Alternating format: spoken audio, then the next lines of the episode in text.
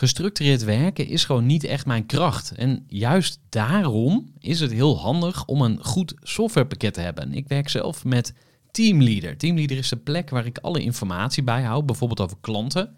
Waarin ik offertes maak en verstuur en die digitaal laat ondertekenen. Waarin ik facturen verstuur, waarin ik lijstjes bijhoud, waarin ik projecten kan managen, waarin ik standaard e-mails kan programmeren. Kortom, ik gebruik Teamleader om alle werkprocessen van mijn bedrijf te stroomlijnen. En zeker ook als je met een team werkt, is het heel fijn om over dezelfde informatie te beschikken. Nou, als je ook benieuwd bent of er mogelijkheden zijn om jouw bedrijf meer te stroomlijnen, of je nu alleen werkt of met een team, ga even naar teamleader.nl slash groeivoer en je kunt dan vandaag nog een trial starten voor twee weken lang, gratis. En je kunt Teamleader volledig uitproberen. En na de proefperiode krijg je ook nog zo'n leuke korting als luisteraar van Groeivoer. Ga naar teamleader.nl slash groeivoer. Groeivoer. Groeivoer. Groeivoer. Zoek je inzicht, inspiratie voor je eigen bedrijf. Wil je elke dag iets leren? Welkom bij weer een nieuwe aflevering van de Groeivoer podcast. Deze week in gesprek met Frans Walter Biegstraten. Hij is eh, oprichter van BU. En eh, ja, ze omschrijven zichzelf als de Netflix voor producten. Waarbij je tegen een vast bedrag per maand onbeperkt toegang krijgt tot allerlei handige tools. Bijvoorbeeld bladblazers. Nou, dat komt natuurlijk goed van pas in, de, eh, in deze herfstperiode dat we deze podcast opnemen. Uh, maar nog veel meer andere dingen. En ja, het idee is zo simpel dat je echt denkt van ja, dit moet toch al bestaan? Uh, of dit is vast al een keer geprobeerd. Uh, maar dat gaan we straks horen. Laten we beginnen met jou welkom te heten bij de podcast. Dankjewel. leuk dat ik hier mag zijn. Voor de kennis en ideeën van een interessante gast. Die zijn verhaal met jou wil delen. Luister je naar Gooi voor. Ja, en uh, jij woont in Amsterdam. Klopt. Maar je bent opgegroeid in Maarsen. Ja. En daar gaan we ook beginnen. Want ik vraag mijn gasten aan het begin uh, van de aflevering altijd even uh, van... Ja, wie was je toen je een kind was? Kun je ons dat eens schetsen? Ja, dat... Als kind denk ik ehm, dat ik eigenlijk al best wel ondernemend was. En altijd op zoek was naar kleine businessjes en...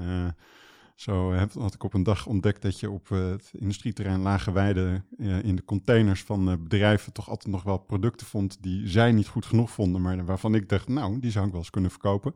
Daar worden ook nog steeds veel grappen over gemaakt door mijn moeder en mijn zusjes. Oh ja, wat zeggen ze dan? Nou ja, dat waren natuurlijk toch uiteindelijk producten die niet helemaal werkten. Dus dat probeerde je dan te verkopen voor, ik denk waarschijnlijk toen een kwartje of twee kwartjes. En uiteindelijk kwam natuurlijk iedereen weer terug van ja, het doet het niet meer. Um, maar dus wel altijd uh, ondernemend bezig geweest. En ook uh, ja, daar altijd, altijd plannetjes, altijd bedrijfjes of ideetjes aan het uitwerken. Zo, zo was mijn tijd in, in Maarsen, op hele jonge leeftijd. Ja, en uh, wat, wat vonden je ouders ervan? Werd je gestimuleerd of juist afgeremd? Hoe gingen ze daarmee om? Nee, ik denk dat ze dat heel erg leuk vonden en dat ze het heel erg stimuleerden.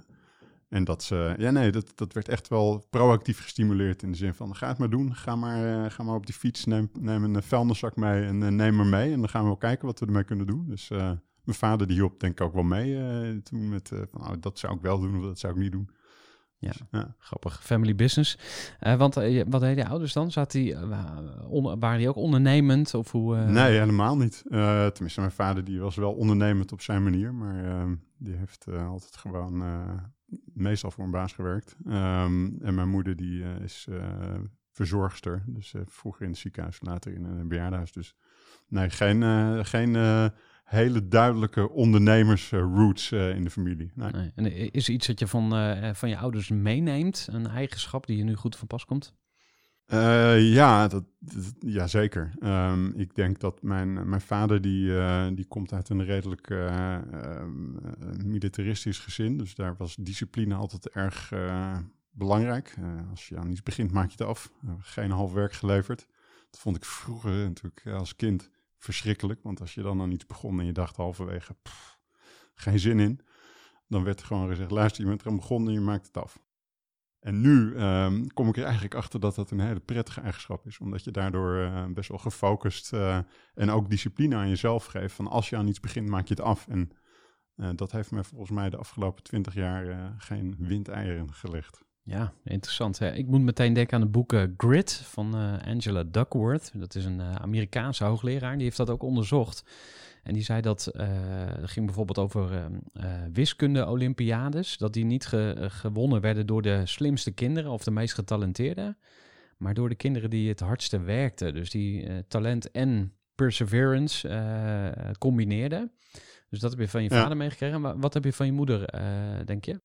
Nou, ik denk dat mijn moeder, die ehm, heeft er allerlei omstandigheden in haar eh, eh, jonge leven ehm, geleerd om, mij geleerd om eh, niet te zeiken, maar gewoon door te gaan. En ook dat als kind en als jonge puber, denk je, wel eens, denk je er daar wel eens wat van. En niet per se dat dat heel positief is, maar het is ook een, een, een, een trait die je meekrijgt om, als het even tegen zit, door niet te gaan zitten mekkeren en te gaan zitten jammeren. En oh, het is allemaal zo erg, maar dat je gewoon denkt, oké, kom op, niet zeiken, door. Ja. Het is niet hetzelfde als discipline, maar het zijn wel twee soort van dezelfde dingen die ik eh, heb meegekregen.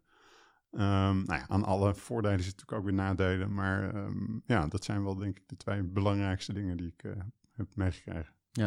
Laatste vraag eh, over je jeugd, want daar zou je een podcast over kunnen vullen, maar dat is natuurlijk niet het doel hier. Als je eh, eh, mensen vraagt van, hey, wat deed je in je kindertijd? Dan eh, ja, was je altijd aan het spelen, dus je was vrij. En als je aan ondernemers vraagt van, hey, waarom ben je gaan ondernemen? Dan komt het woord vrijheid ook heel vaak terug. Ehm, maar als je aan ondernemers vraagt, hoe vrij ben je eigenlijk?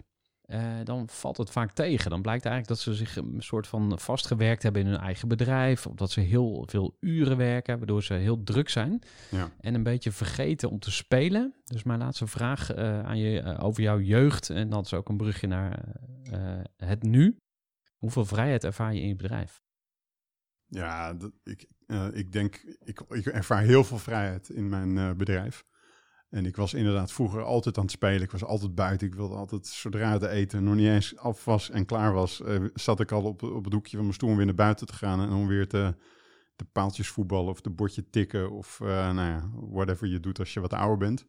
En ik denk dat als je me deze vraag had gesteld uh, 20 jaar geleden, toen ik begon met ondernemen, of uh, 22 jaar geleden, um, toen was het inderdaad dat er uiteindelijk heel weinig spelen was en dat je helemaal, nou niet vastliep, maar dat je vast zat in eindeloos veel uren draaien en heel slecht um, uh, balans kunnen krijgen en ook wel verkeerde prioriteiten of andere prioriteiten dan die ik nu heb. En ik heb um, na, even goed even rekenen hoor, na ongeveer 14 jaar ondernemen ben ik, uh, ben ik voor een baas gaan werken toen ik in, in Hongkong woonde. En uh, dat was weliswaar iemand die uh, in een, mijn eerdere bedrijf uh, commissaris was. Dus het was een baas, maar het was wel iemand die ik, ehm, die ik goed kende en waar ik ook veel vertrouwen in, in heb en had. En um, ik, heb, ik heb een tijd voor een baas gewerkt. Dus niet de, de, de stress van eh, de btw-aangiftes, de loonheffingen die je moet betalen, de salarissen die eruit moeten, weer die rottige klant die zijn factuur niet op tijd betaalt, waardoor jij in de knoei komt met je eigen betalingen dat heb ik een tijd niet gehad. En dat vond ik toen heel prettig in het begin. Omdat ik ja, echt die, die hele druk, zo van, dus, weet je, dat werd gewoon allemaal gered. Aan het eind van de maand stond het gewoon elke maand op. Dat was gewoon echt geweldig, zonder dat ik daar stress over had. Maar ik, en ik ben dus nu weer terug, uh, zeg maar, aan het, aan het ondernemen. En ik denk dat ik door dat ik dat al vaker en, en, en langer heb gedaan. En dat ik dus ook voor een baasgesprek veel meer in staat ben om te genieten van de zogenaamde vrijheid. Dit is niet alleen maar vrijheid in, in, of, uh, in termen van, van tijd of van uren, maar ook vrijheid in het zelf aan de knoppen zitten en kijken hoe je door eraan te draaien met een beetje naar links of een beetje naar rechts resultaat kunt halen. En dat is, dat is de ultieme vrijheid, maar dat komt niet alleen maar door, uh, door het ondernemen, maar dat komt ook gewoon door 22 jaar lang geleerd en dingen en gigantisch vaak op mijn bek gegaan. Ik ben alles, alles wat ik had ongeveer verloren in 2017. Dus je, je wordt ook door, door scha en schande vooral, um, word je natuurlijk ook ietsje wijzer. Ik zeg niet dat ik wijzer ben, dat wil ik niet zeggen, maar wel, wel, wel wat dingen meegekregen de afgelopen 22 jaar. Ja, heel interessant. En uh, vrijheid is dus inderdaad niet van, oh, ik werk uh, maar uh, vier uur per week of per, dus voor our workweek van, van Tim Ferriss. Maar het is ook autonomie. Ja. Het is speelruimte, zelf keuzes maken. Ja. we gaan het natuurlijk uitgebreid over eh eh, Bio hebben. eh, je huidige eh, Ja. hoofdbedrijf, zou ik Ja. het eh, kunnen noemen. Maar misschien dan wel interessant om in jouw eh, voorgeschiedenis te duiken. Want je begint er zelf over. Het is altijd lastig om 22 jaar eh, samen te vatten in pak een beet 5 à 10 minuten. Maar eh, wil je eens in vogelvlucht schetsen? eh, Ja, wat is jouw achtergrond? Ja, En wat was dan je eerste bedrijf? Wat was die crash waar je het over had? ja. En dan gaan we straks verder natuurlijk naar, naar Bio. Maar even Ja. de backstory met ons delen. Ehm, nou ja, ik ben eigenlijk begonnen toen ik nog studeerde. Ik studeerde zelf economie. We zaten vlakbij KI, dat heet, dat is, heet nu AI, maar dat heet vroeger kunstmatige intelligentie, KI. Ehm, dus je, je komt elkaar tegen op een gegeven moment. eh, en eh, ik hield van flipperen en er waren er nog een aantal die, die vonden dat ook interessant. Dus, eh, Flipperen? Op een flipperkast? Ja, Ja, dus kom je elkaar tegen om de flipperkast in een, in een, in een studentenkroeg. En daar, daar werden de vriendschappen gesmeed die uiteindelijk later tot ehm, eh, de eerste, het eerste bedrijf leidden. Ehm, dat heb ik samen met eh, vijf anderen, dus we waren met zes oprichters, wat natuurlijk eh, in het zelf al een hele onderneming is, om alle eh, neuzen dezelfde kant op te blijven houden.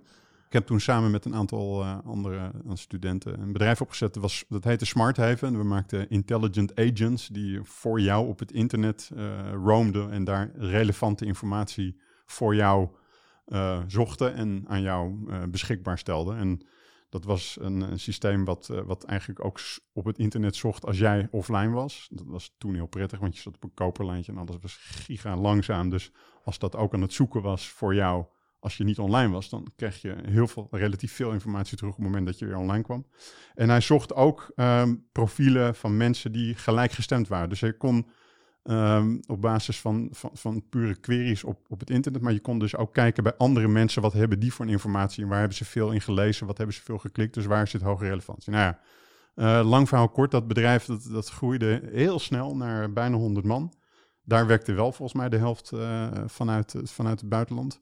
En uiteindelijk kwam toen die, die internetcrash. En eh, nou ja, toen hebben we de boel in eh, drie reorganisaties moeten eh, or- reorganiseren. En uiteindelijk hebben we het eh, verkocht ehm, aan een andere onderneming. En ben ik nog een tijdje meegegaan.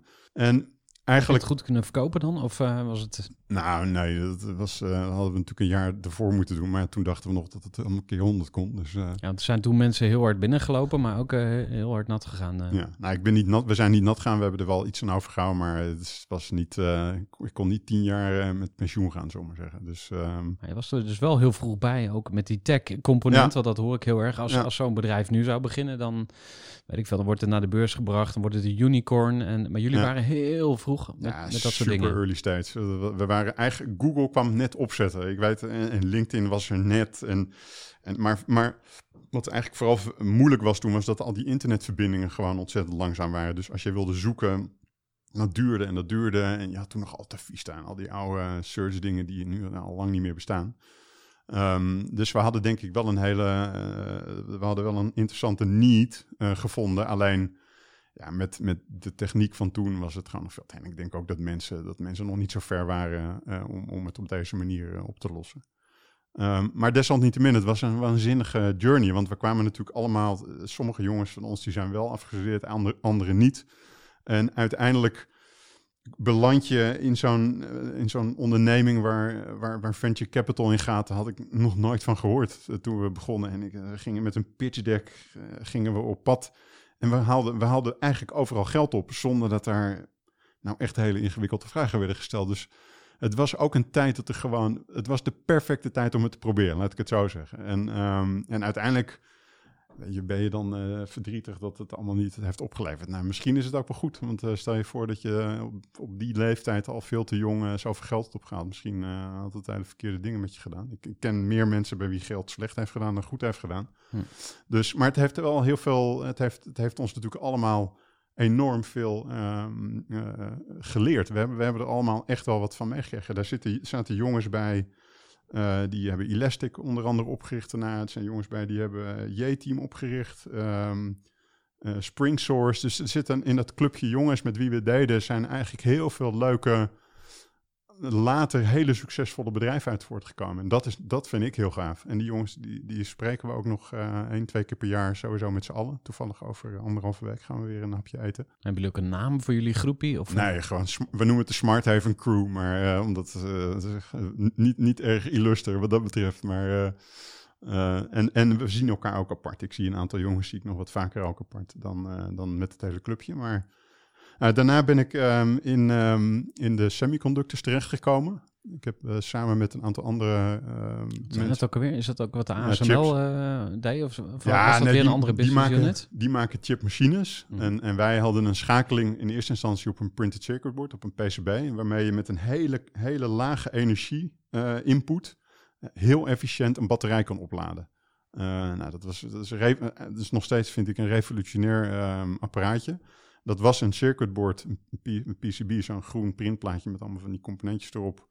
Uh, toen, toen we begonnen. Uh, en we hebben uiteindelijk in 2008, uh, 9 hebben we daar een single chip solution van gemaakt. Dus hebben we dat printed circuit board, dat was ongeveer 10 vierkante centimeter, 2 bij 5, hebben we allemaal in één chipje weten te verrotten. Uh, dat hebben we samen met Swartz Group gedaan um, in Zwitserland. Ja, dat is investeringsmaatschappij? Nee, zo, nee dat, dat, die, die, hebben, een, uh, die hebben een, een, een business unit die helemaal uh, gespecialiseerd is in low voltage, low power. Dat zit natuurlijk in horloges. Dus de Swartz Group maakt al jarenlang horloges. Aha, ja. Dus die willen natuurlijk op één batterijlading dat die horloges zo lang mogelijk meegaan. Nou, daar zit heel veel kennis over hoe je hele zuinige elektronica maakt en ontwerpt. En samen met, met hun hebben wij of met een dochteronderneming ervan hebben wij die, die chip toen ontwikkeld. En uiteindelijk hebben we die chip, zijn we die gaan uh, fabriceren in Taiwan.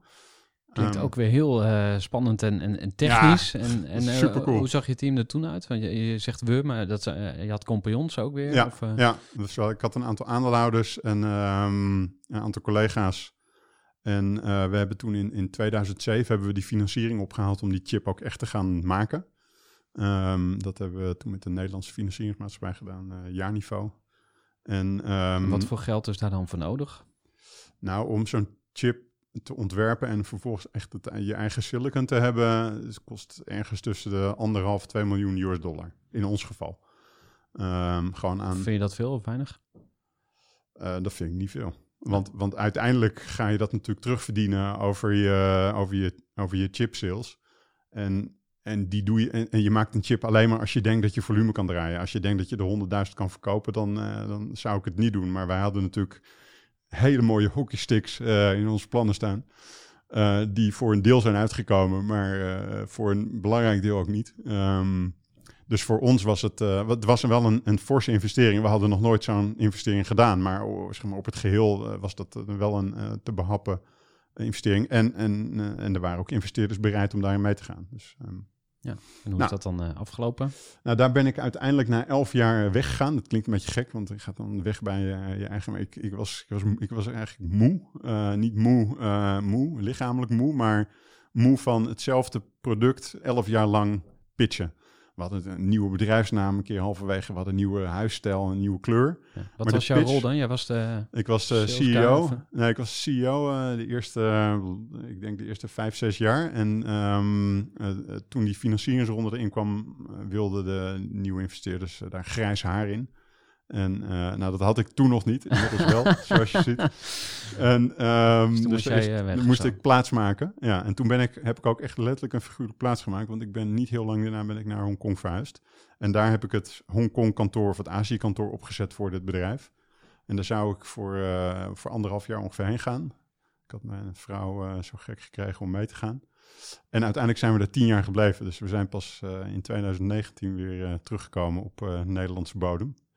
Nou ja, dus ik dus ben dat is heel recent eigenlijk nog. Ja, ja, we zijn net, nou ja, net, het is inmiddels alweer 2,5 jaar, maar uh, ja, we zijn eigenlijk net terug. Um, en ik vind het geweldig.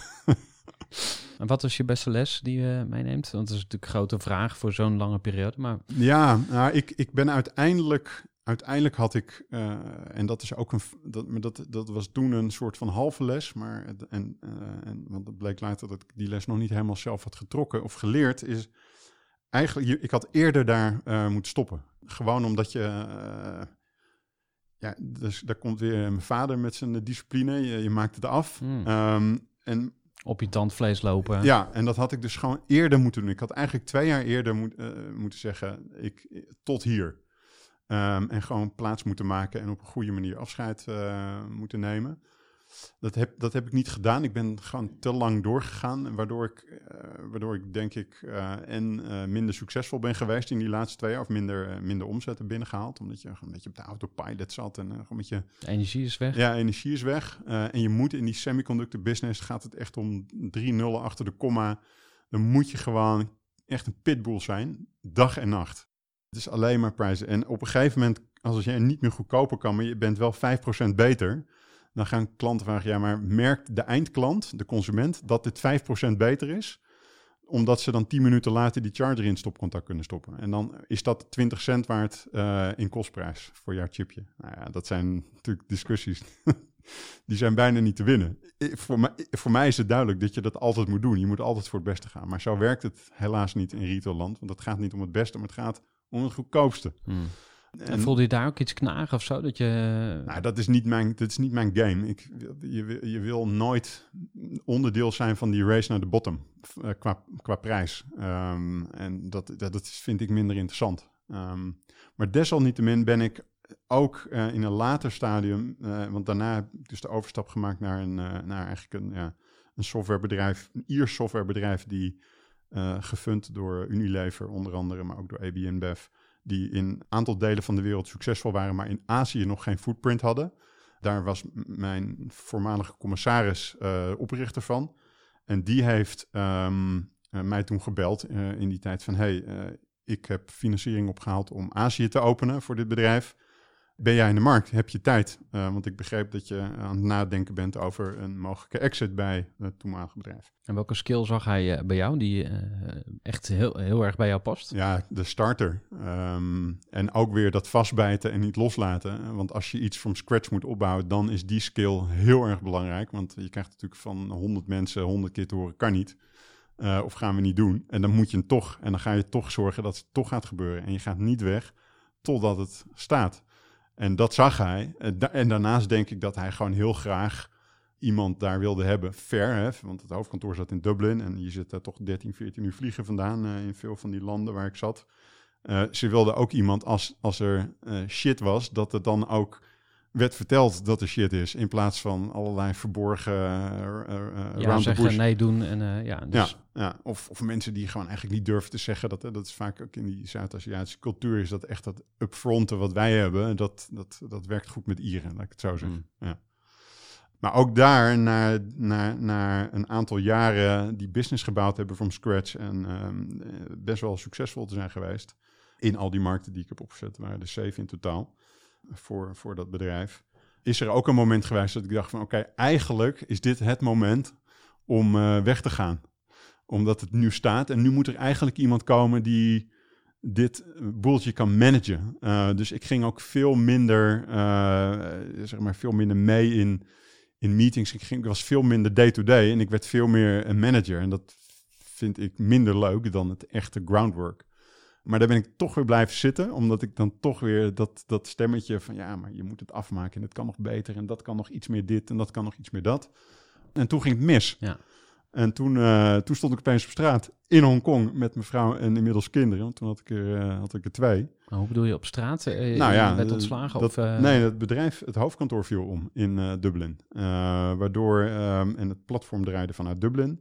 En ik kon opeens geen service meer, want al mijn, al mijn service engineers, dat was allemaal centrally uh, ja, geregeld vanuit Dublin. Dus er was een probleem met een campagne en ik werd gebeld, uh, iets doet het niet. Dus ik ging, uh, dat, dat kon dus niet meer. En dat was een hele, hele harde les, want dan sta je in Hongkong. Ik weet niet of je enig idee hebt hoe duur Hongkong is, maar dat is... Geen uh, idee. Is, dat is niet, peperduur dus? Uh, peperduur, ja. Huizen, schooling, alles is daar... Uh, volgens mij is het duurste land ter wereld uh, op het gebied van uh, schooling en, en housing. En um, ja, dan sta je opeens op straat. En toen zijn wij uh, samen met de kinderen naar Nederland gegaan voor een paar maanden.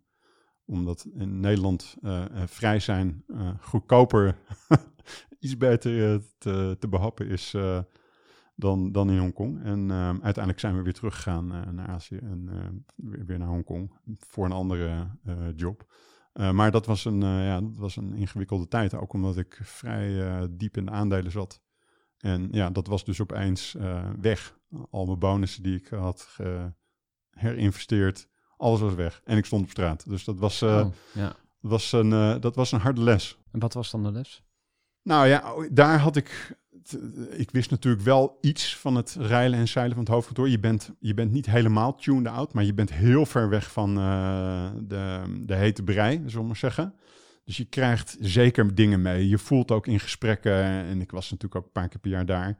Maar ik snap ook dat je, als je een probleem hebt op, op het hoofdkantoor, dat je dat niet allemaal maar gaat delen met iedereen. Want mensen gaan ook panieken, mensen gaan misschien op zoek naar een andere baan, terwijl er misschien nog best wel een één of twee of drie oplossingen zijn om het op te lossen. Maar ik, heb daar te, ik ben te lang meegegaan van, ah, dat gaat goed komen, we gaan het voor elkaar krijgen. Terwijl, terwijl ik eigenlijk al voordat dat gebeurde al, eh, al tegen mezelf heb gezegd van, eigenlijk is mijn sweet spot, daar ben ik langzaam uit aan het, aan het gaan. Dus ik, ik, ik, ik zeg Ja, maar dus uit je het, voelde dat. ja, En je negeerde je gevoel. ja, en gewoon weer, toch weer, toch weer negeren en toch weer denken van, nee, nee, ik, ik kan niet, dat, dat, dat schip moet nog verder eh, de, zee, eh, ja. de zee op, zullen we maar zeggen. Ja. Heb je nu eh, geleerd om beter naar jezelf te luisteren? Ja, dat denk ik. Ja, dat het zal blijken uit een, uit een toekomstige situatie waarin het nodig is. En die gaat er uiteraard komen. Maar ik denk dat, ja, ik denk het wel. Ik denk dat ik wel voor mezelf veel duidelijker die grenzen eh, kan, kan aangeven. En dus ook kan zeggen. En ik, denk ook met mijn huidige businesspartner, met Martijn Cho, met wie ik eh, Bio heb opgericht. Dat we ook eigenlijk vanaf het begin af aan heel duidelijk zijn geweest naar elkaar. En ook in de gesprekken met financiers die we voeren dat we ook duidelijk zijn over van dit kunnen wij, of dit denken we dat we kunnen. Hier is een area, een grijs gebied waarvan we denken dat we het ook kunnen, maar dat hebben we nog niet eerder gedaan. Maar daarna moet er gewoon iemand anders zitten die, eh, die het karretje. En ik wil wel meedoen, ik wil wel meekijken en ik wil meerennen. Maar op een gegeven moment moet je. Dus, dus ik denk dat we dat zowel Martijn als ik allebei hebben geleerd door het verleden van waar zit je kracht. En dat betekent niet dat je nooit buiten je comfortzone moet. Hè? Dat wil ik helemaal niet zeggen. Misschien tijdelijk. Maar precies, maar tijdelijk. En niet met die druk dat het moet, moet, moet, moet. En, het, en dat er geen andere oplossing is dan dat jij dat blijft doen. Dat is denk ik een hele. En dat is heel grappig, want Martijn en ik zijn, we hebben allebei on- onze eigen wegen gehad. Om, om, maar we zijn een beetje zo op hetzelfde uitgekomen. Qua van hoe we erin zitten en hoe we ook die gesprekken ingaan. En dat is natuurlijk heel, heel prettig. Want dan ben je eigenlijk upfront from day one. Dus op het moment, dus, dus eigenlijk maak je het voor jezelf makkelijker door nu al te zeggen van luister, dit heb ik gedaan, dit kan ik goed. Hier denk ik dat ik nog kan groeien en daarna moet ik meekijken. Dus moet er iemand anders komen. Dus je maakt eigenlijk voor jezelf al mogelijk om op een gegeven moment te zeggen, weet je nog dat gesprek toen en toen? Dat is nu. Even een korte onderbreking met een belangrijke vraag aan jou. Want wat heb jij geregeld voor het geval je van de ene op de andere dag zou komen uit te vallen? Wat gebeurt er dan met je bedrijf, maar vooral wat gebeurt er met jou persoonlijk en ook in financieel opzicht? Samen met ASR voerde ik drie openhartige gesprekken over tegenslag en veerkracht. En dat deed ik met Saskia, Vincent en Pieter. Ondernemers met een bloeiend bedrijf die van de ene op de andere dag niet meer konden werken. En die verhalen hoor je in aflevering 256, 257 en 258 van deze podcast. Als ondernemer wil je natuurlijk niet uitvallen. En daarom is het belangrijk dat je veerkrachtig bent, want voorkomen is beter dan genezen. En als het dan toch misgaat, is het fijn dat je iets geregeld hebt, zodat je weer snel door kunt met ondernemen. Wil je weten hoe veerkrachtig jij nu bent? Vul dan in twee minuten de veerkrachttest van ASR in. Ga naar asr.nl slash veerkrachttest ondernemers. Ja, grappig. Dus, Ja. En dat begrip upfront, eh kun je dat wat meer uitlichten? Want eh, waar waar heb je dat dan geleerd? Ik denk dat ik snap wat je ermee bedoelt, maar... eh, eh, dus je gaat eigenlijk van tevoren al nadenken over hoe zal het zijn en Ja. eh, hoe is de exit of eh, waar, wanneer Ja. gaan we afscheid nemen of Ja, zo, nou ja, ja, dat, ja, dat denk dat het, het heeft daarmee te maken. Het heeft, met, het heeft niet zozeer met groei te maken. Daar ben ik helemaal niet bang voor. Maar het heeft wel te maken met op een gegeven moment dat je bepaalde professionaliseringsslagen moet maken in je organisatie. Dat je HR en dat je SOP's en een employee handboek en al dat soort. wordt er nu al moe van. ja, eh, dat word ik. als ik nu eh, als ik er aan over nadenk. En dat je dus niet meer zoals we het nu doen. Nu zijn we echt aan het, aan het met z'n allen aan het knallen. En dat maakt het zo, dat maakt het zo leuk. Ja. En, en nu kunnen we ook op maandag, als we met z'n allen in zo'n flow zitten en we denken allemaal, we moeten echt naar, we moeten echt naar rechts. Dan gaat ook iedereen naar rechts. Ja, dat, op een gegeven moment kan dat niet meer. Dat begrijp ik ook wel. Want dan is je hele marketingafdeling is al dit aan het doen. Die zijn al opnames aan het doen voor links. En nu zijn we nog zo lekker klein, compact, super agile, dat we gewoon eh, echt gewoon super lekker makkelijk ons kunnen bewegen door wat we zien gebeuren in de markt, in data.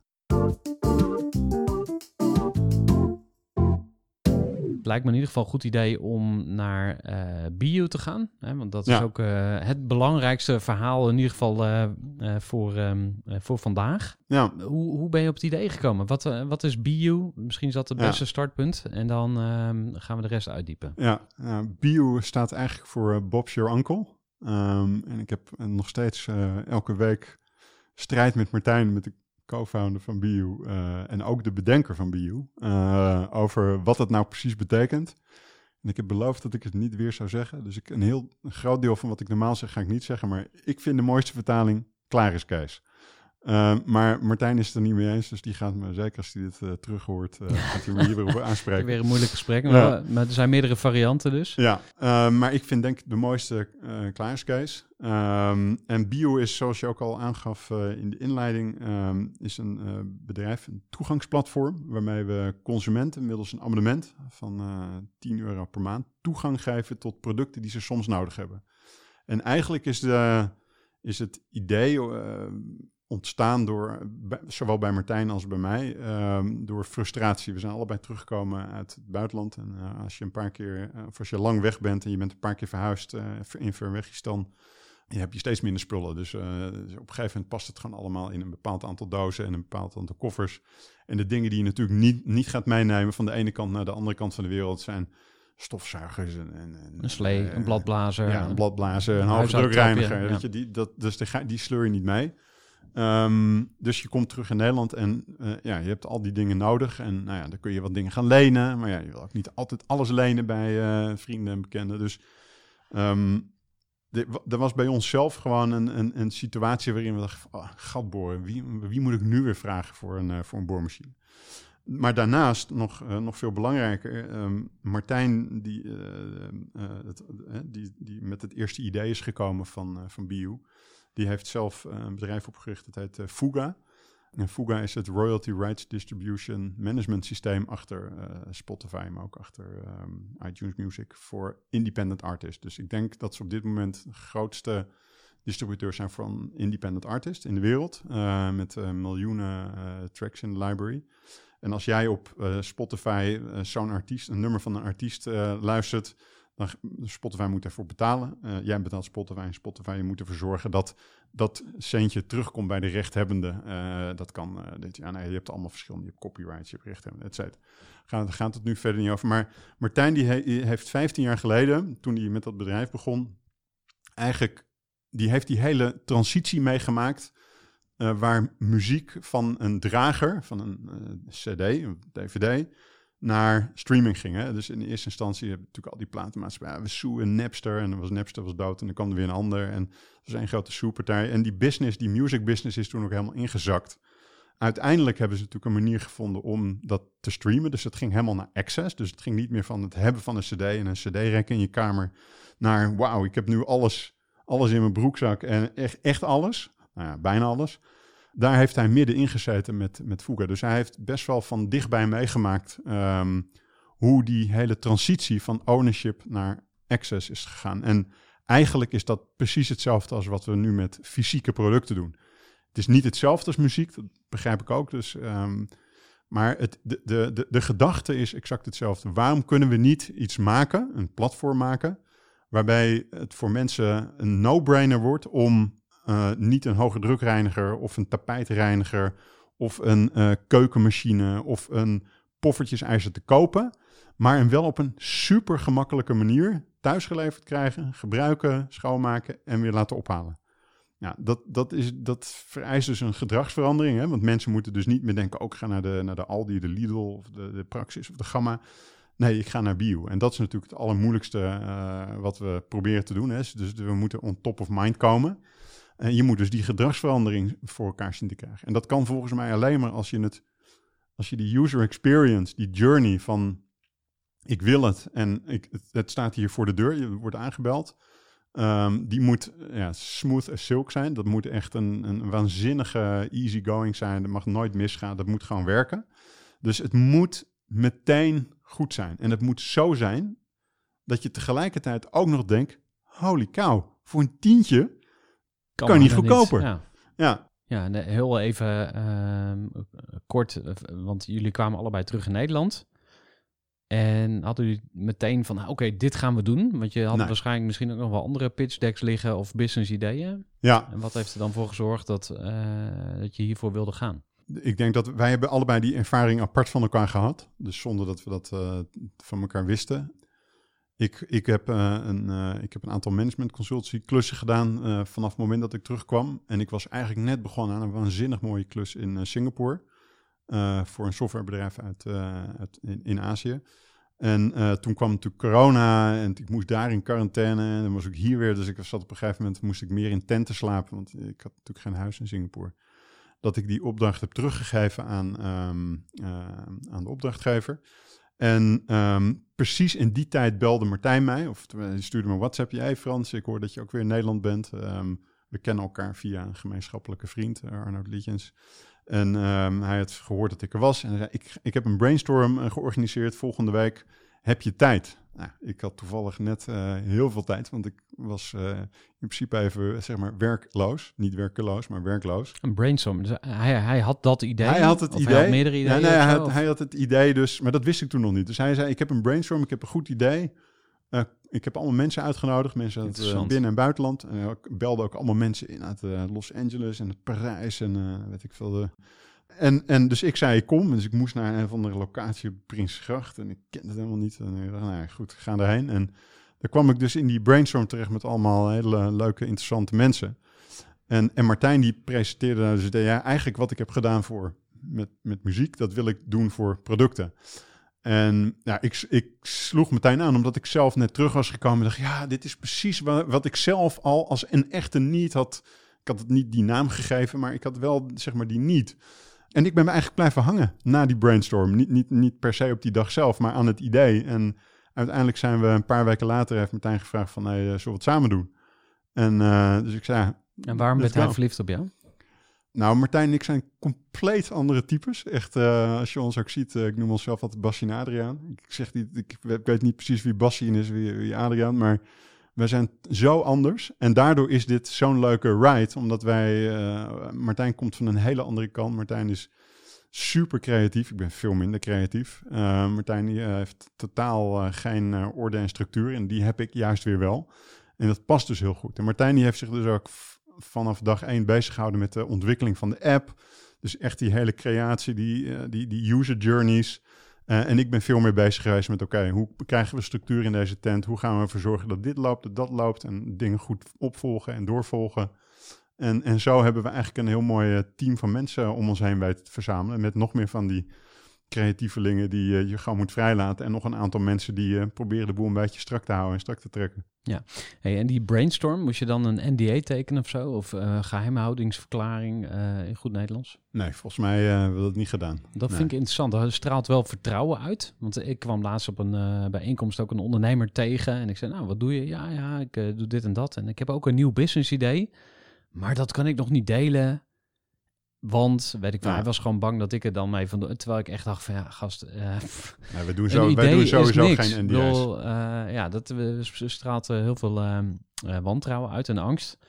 Ik heb, als ik heel eerlijk ben, ook wel ideeën waarvan ik denk van, nou, ik wil daar wel verder mee. Maar ik ervaar dan een drempeltje van, ja, wie zal ik daar dan eens voor benaderen, zeg maar. Ja. Dus daarom haakte ik er even op aan. Ik dacht van, hé, hey, dat is eigenlijk ook wel grappig, hoe simpel het ook is. Maar organiseer een brainstorm. Ja.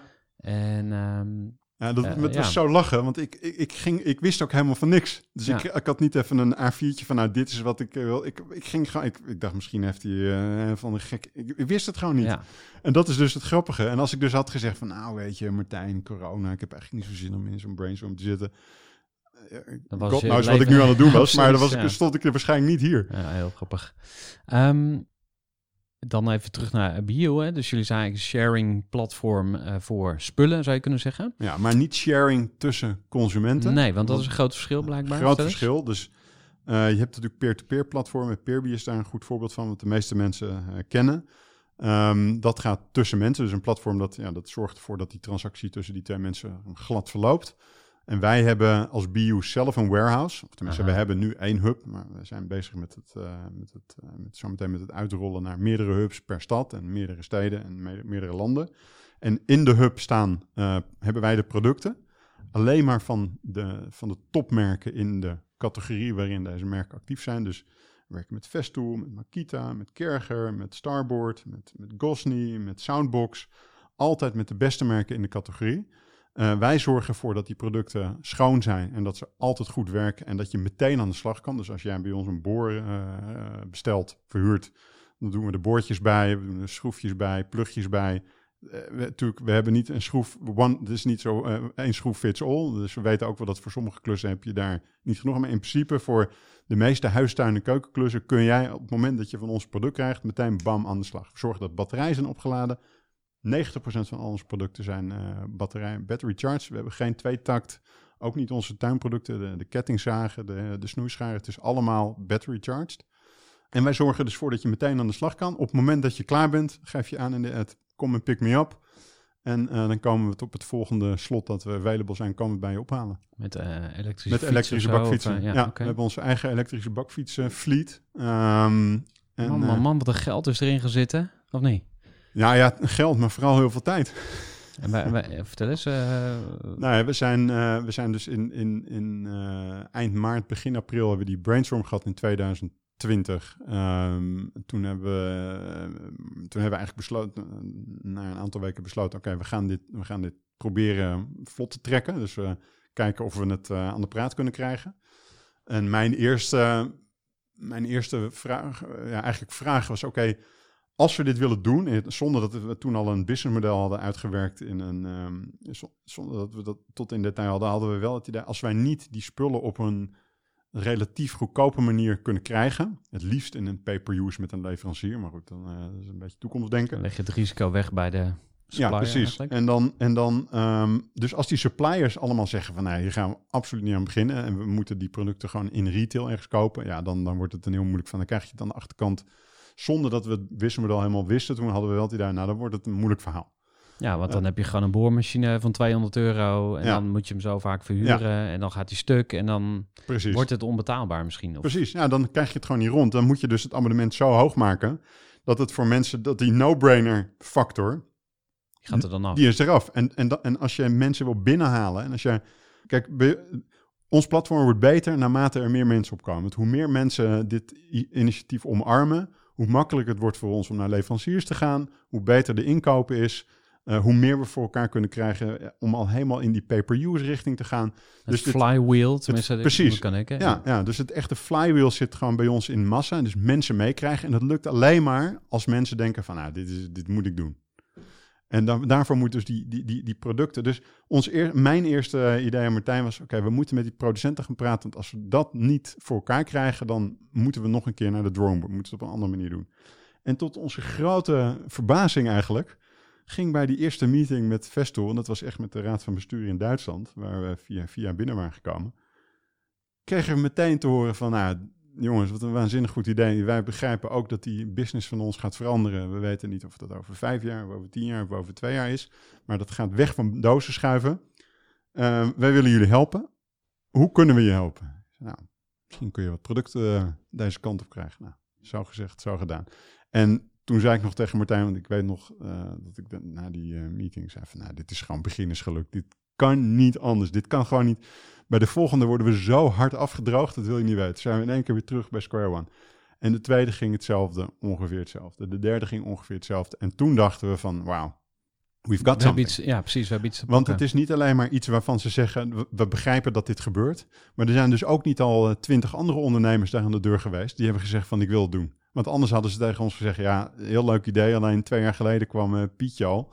En die hebben we net eh, een miljoen euro gegeven. Ja. En die is het voor ons aan het proberen.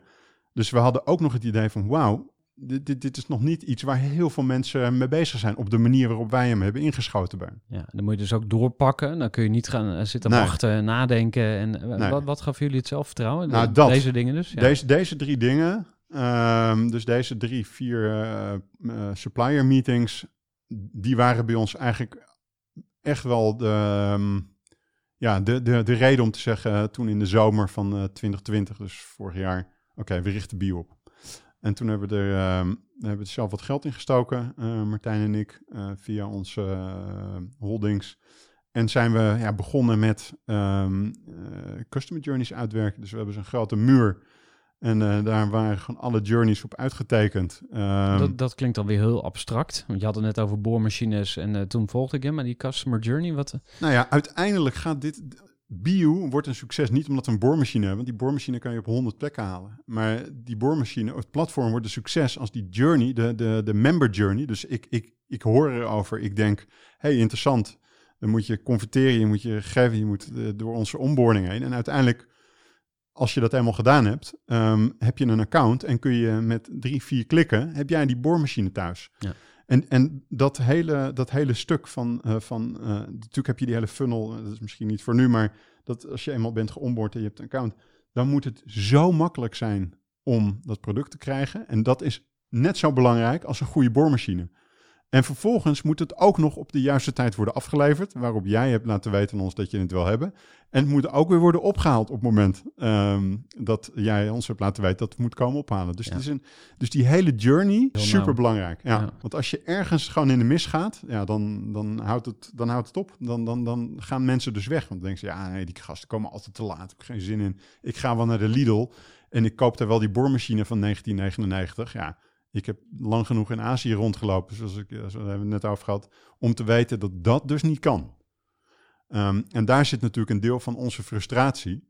Is hoe, hoe kan het nou dat we nog steeds in deze tijd, eh, de ene helft van de wereld staat in de fik, de andere helft staat onder water. We hebben een klimaattop die eh, gigantisch dreigt te mislukken.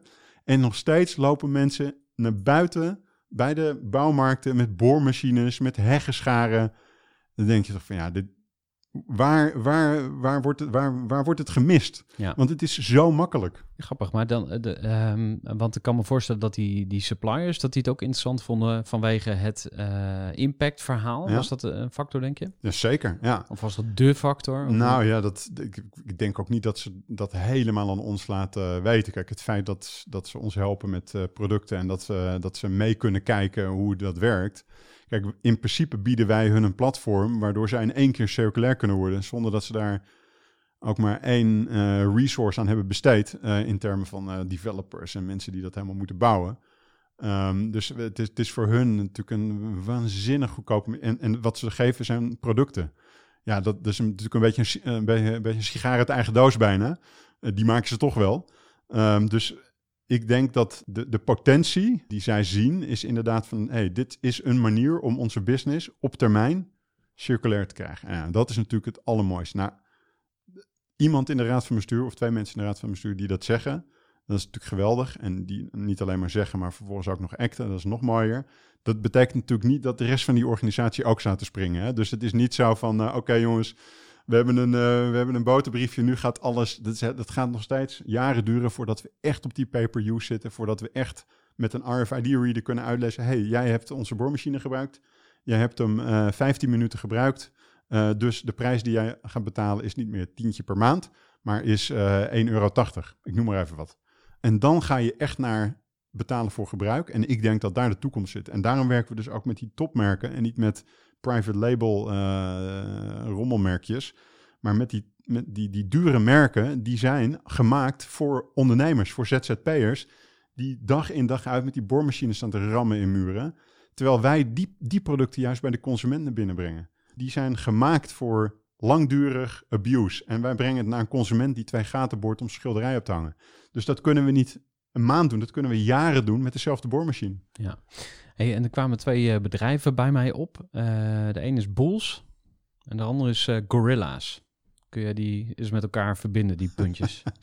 Nou ja, kijk, wij hebben natuurlijk een soort van flitsbezorging van onze producten. Dus in die zin lijken wij wel een beetje op de Gorilla's, maar...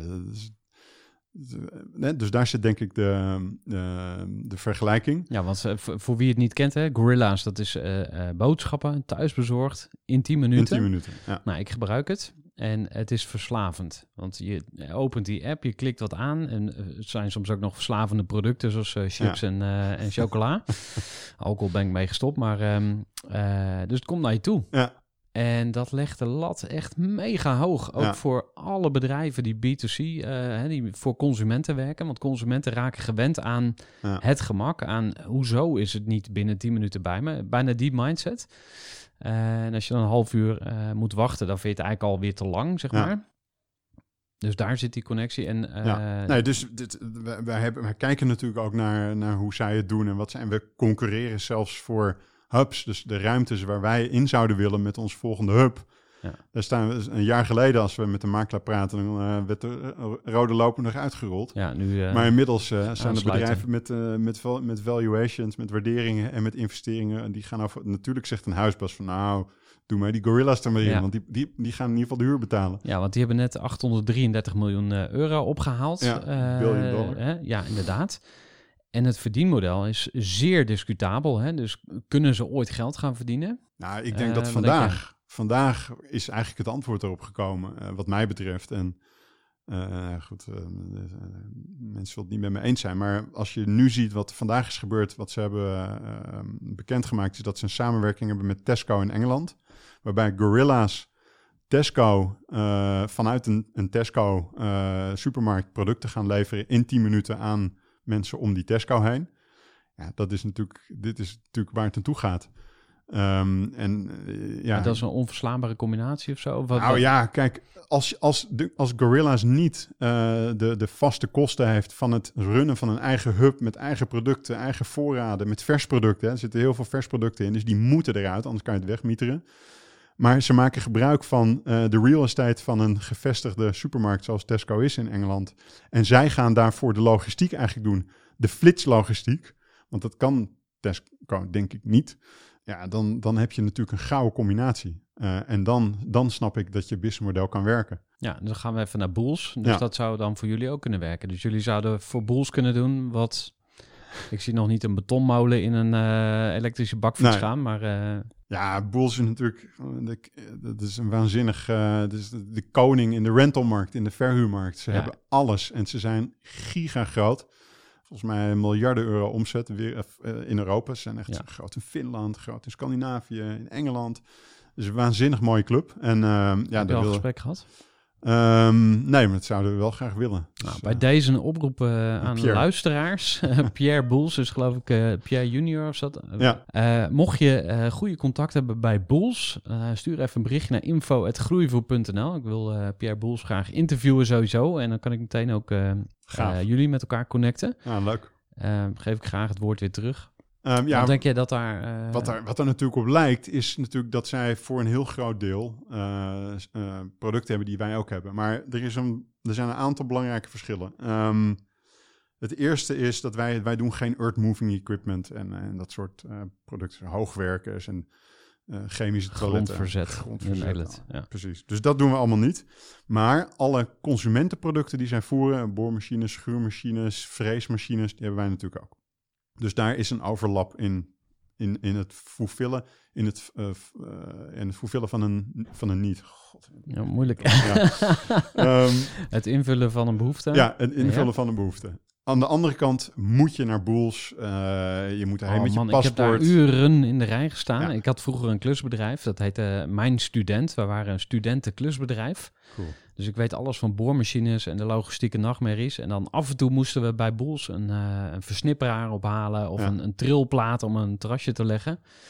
Eh, man, dat was altijd Dan ben je aan de beurt.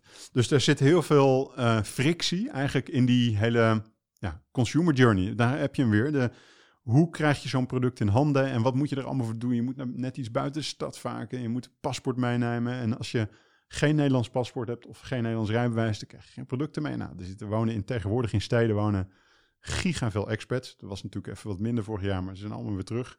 Ehm, dus het, het, het, het is niet zo'n vriendelijke eh klantenservice, laat ik het zo zeggen. Het is Ehm, gebaseerd op wantrouwen, eh, ja, risicobeheersing. betalen. Ja. En dat, dat, het heeft allemaal reden om natuurlijk mensen in het verleden een potje van gemaakt hebben en producten niet teruggebracht of helemaal naar de, helemaal naar de. Dus er, er zijn allemaal redenen voor. Dat willen wij dus helemaal anders doen. Maar er is nog een ander heel belangrijk ehm, verschil. Bij ons is doe het zelf en tuin, want dat doen zij natuurlijk ook. Maar één van, dat zijn maar twee van de zes categorieën. Wij doen ook keuken, we doen ook party and play, we doen ook schoonmaken en we doen ook verhuizen of dingen verplaatsen.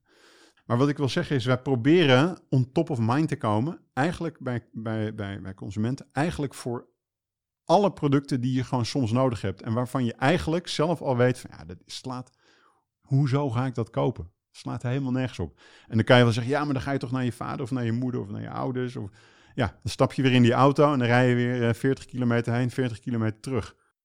Dus eigenlijk is dit jullie grootste uitdaging misschien wel. De, de, tussen de oren komen. Het, het gedrag veranderen van consumenten. 100 procent. Ja, en eh, op twee staat misschien het, het pro- eh, product management of de... de De catalogus. ja, want eh, hebben jullie daar veel discussie over? Ja, continu.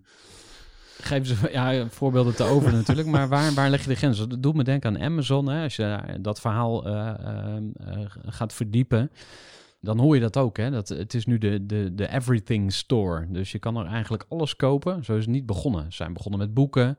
Ja. Ze gingen op een gegeven moment luiers eh, verkopen. Gingen ze ook eh, een luier, eh, online luier business overnemen. Hè? Dus ze deden allerlei acquisities.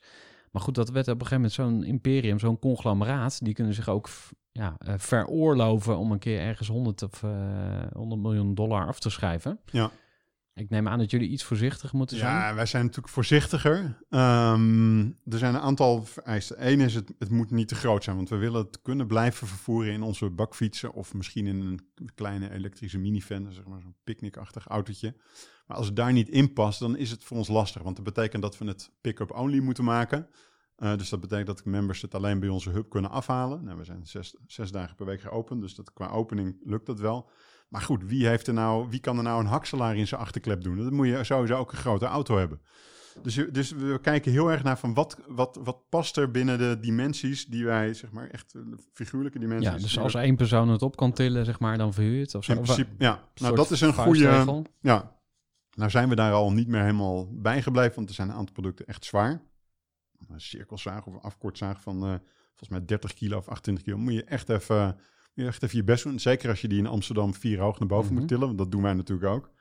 Ehm, en dan regent het, dan heb je regenpakken aan en dan sta je met die doos en dan denk je wel eens van, Warm. Why? Ja, ja, precies. Ehm, dus dat. Maar je wil ook kijken naar producten die, ehm, die ook lang meegaan. Kijk, eh, we hebben nu een discussie over beauty misschien, om dingen te doen met ook nageldrogers en dat soort dingen. En dan denk ik van ja, dat kan allemaal, maar de alternatief is dat mensen naar een nagelsalon gaan. Nou ja, dus we hebben, en we, we zijn aan het nadenken over stoelen. Heel veel mensen die hebben, ge- geven een verjaardagsfeestje, er komt familie, missen, hebben niet genoeg stoelen, hebben niet genoeg borden, niet genoeg bestek. Dat zijn nou ook, dat, dat zijn nou weer van die typische dingen van denk van, hé, hey, dat past mooi in een krat, dat kunnen we mooi, mooi verpakken, kunnen we makkelijk meenemen. En wij krijgen suggesties ook hè, van onze members door in de app. En daar zie ik ook dat mensen zoeken op eh, borden en op eh, bijzetstoel. En, eh, dus dat zijn dingen die we dan wel oppakken. Ehm, maar we hebben nog veel meer discussies, maar dat is misschien niet voor u over, over andere producten die we wel of niet moeten doen. En is maar Mar- Martijn dan de aanstichter meestal? Die, eh, want jij zei hij is creatief Ja. brein. Nou, hij heeft zeker wel de meest gekke ideeën. eh, waarvan ik tot nu toe altijd wel 80% van weer terug heb kunnen duwen in de pot. Maar Noem de gekste maar even dan. nou ja, we hebben, het- we hebben bijvoorbeeld een pokerset laten maken met bio-branded, eh, hoe heet die, die chips. Hij, doet wel eens een pokeravondje met zijn vrienden. Ik doe het nooit. Dus Ja. bij mij komt het nooit op. En, en, en een ding is één keer verhuurd, weet je wel. Dus dan denk ik, ja... Maar het is wel een leuke gimmick, want er zijn wel mensen die erop kijken. Dus als wij zien, zeg maar, in de app waar mensen op kijken... We hebben ook een dinosauruspak, eh zo'n opblaasdino staan bij de Coming Soon products. En eh, heel veel mensen klikken daarop. Dus Grappig. Ja, maar dat is bij Gorilla's ook. De, er zit ook een fun factor in die app. Hè. Er staat er weer een of ander gek icoontje en dan klik je er toch even op.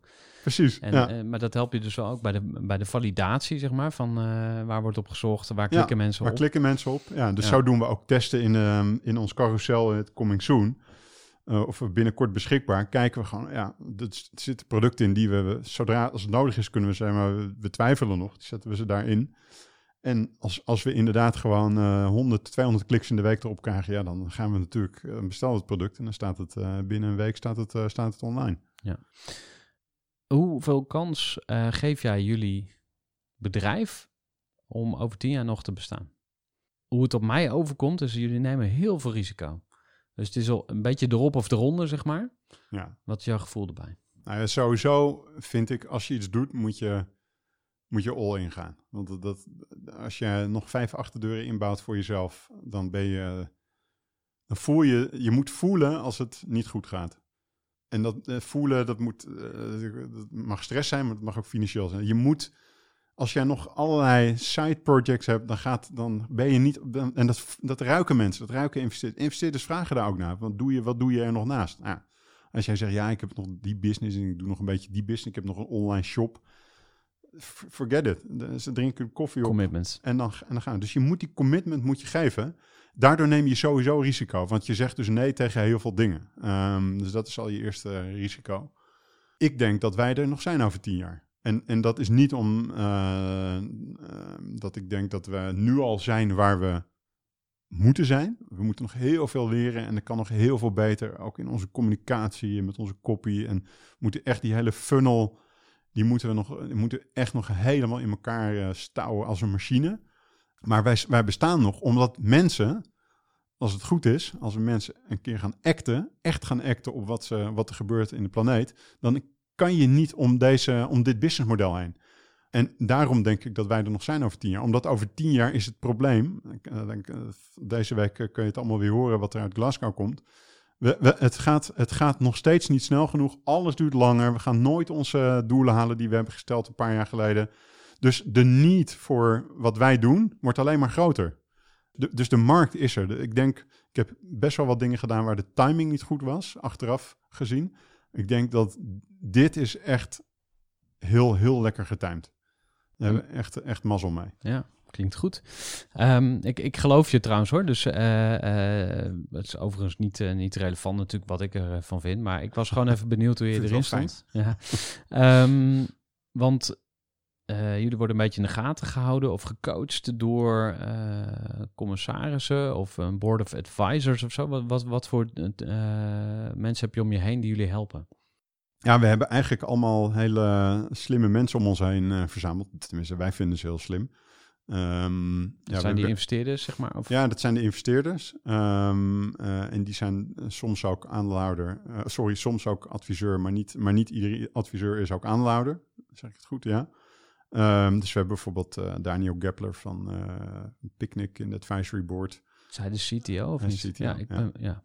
Eh, echt een waanzinnig scherpe, scherpe mind. Super slimme kerel. En die hebben natuurlijk een aantal dingen meegemaakt met dat picknick. Met die zoeken naar nieuwe steden, goede distributie, density, population. die, voor ons, die voor ons eigenlijk identiek zijn. Moest ook inderdaad aan hun denken van ja, het begint in één pilotstad en dan Ja. voorzichtig doorstappen, maar niet te voorzichtig, want dan word je weer ingehaald. Precies, ja. Dus daar hebben we, hebben we, het is echt een waanzinnig mooi klankbord.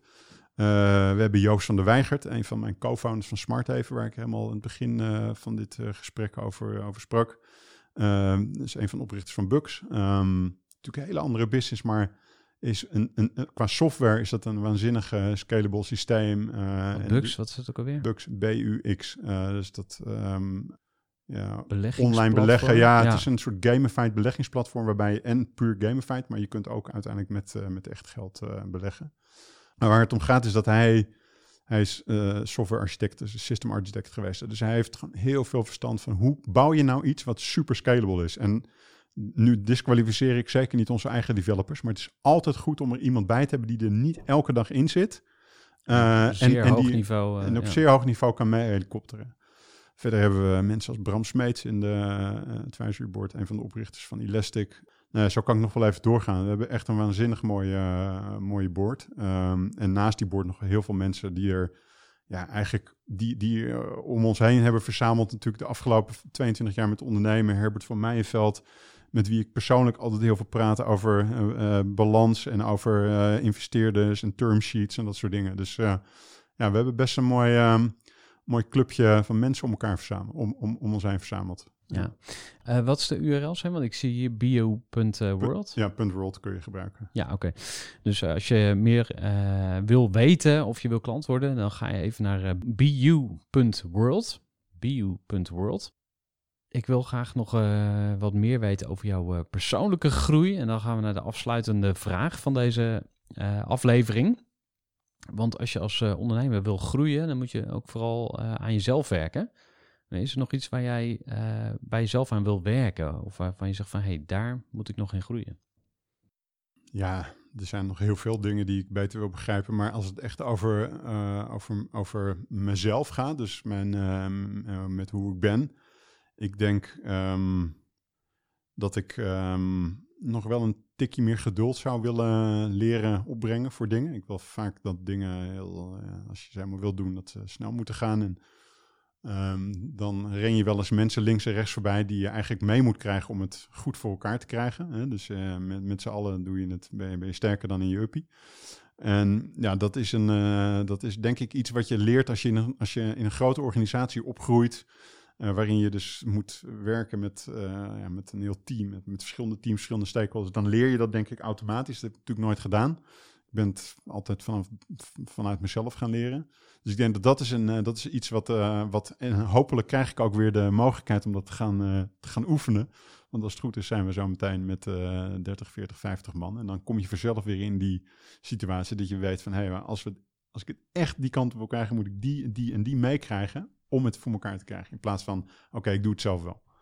Um, en dat vind ik, dat, dat loslaten, dat is gewoon niet, dat is, gewoon niet heel, dat vind ik niet heel makkelijk.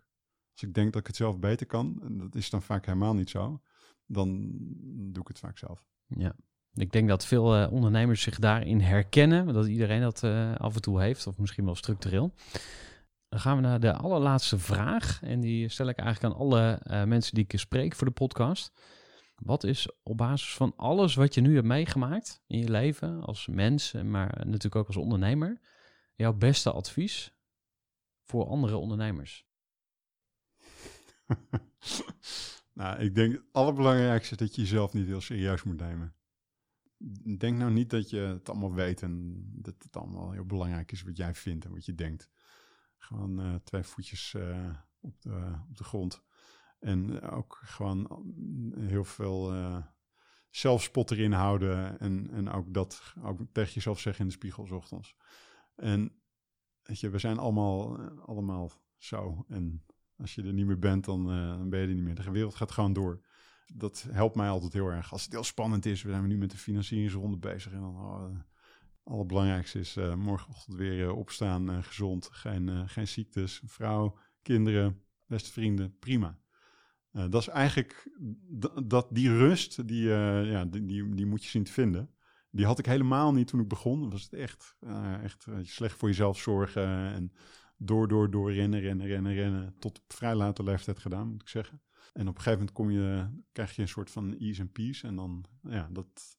Dus dat is, dat is mijn belangrijkste les. neem jezelf niet te serieus en maak vooral veel grappen ook over jezelf. Mooi, dankjewel. Frans Walter Bierstraten van Bio. Ja, we gaan nog veel van jou horen. En uh, ben je heel benieuwd geworden? Uh, wil je misschien wel klant worden of investeerder of in welke uh, rol dan ook? Neem even contact op. Je kan Frans Walter vinden op LinkedIn natuurlijk. Je kunt naar bio.world gaan. Dank voor het luisteren naar deze podcast en graag tot een volgende keer. Gooi voor.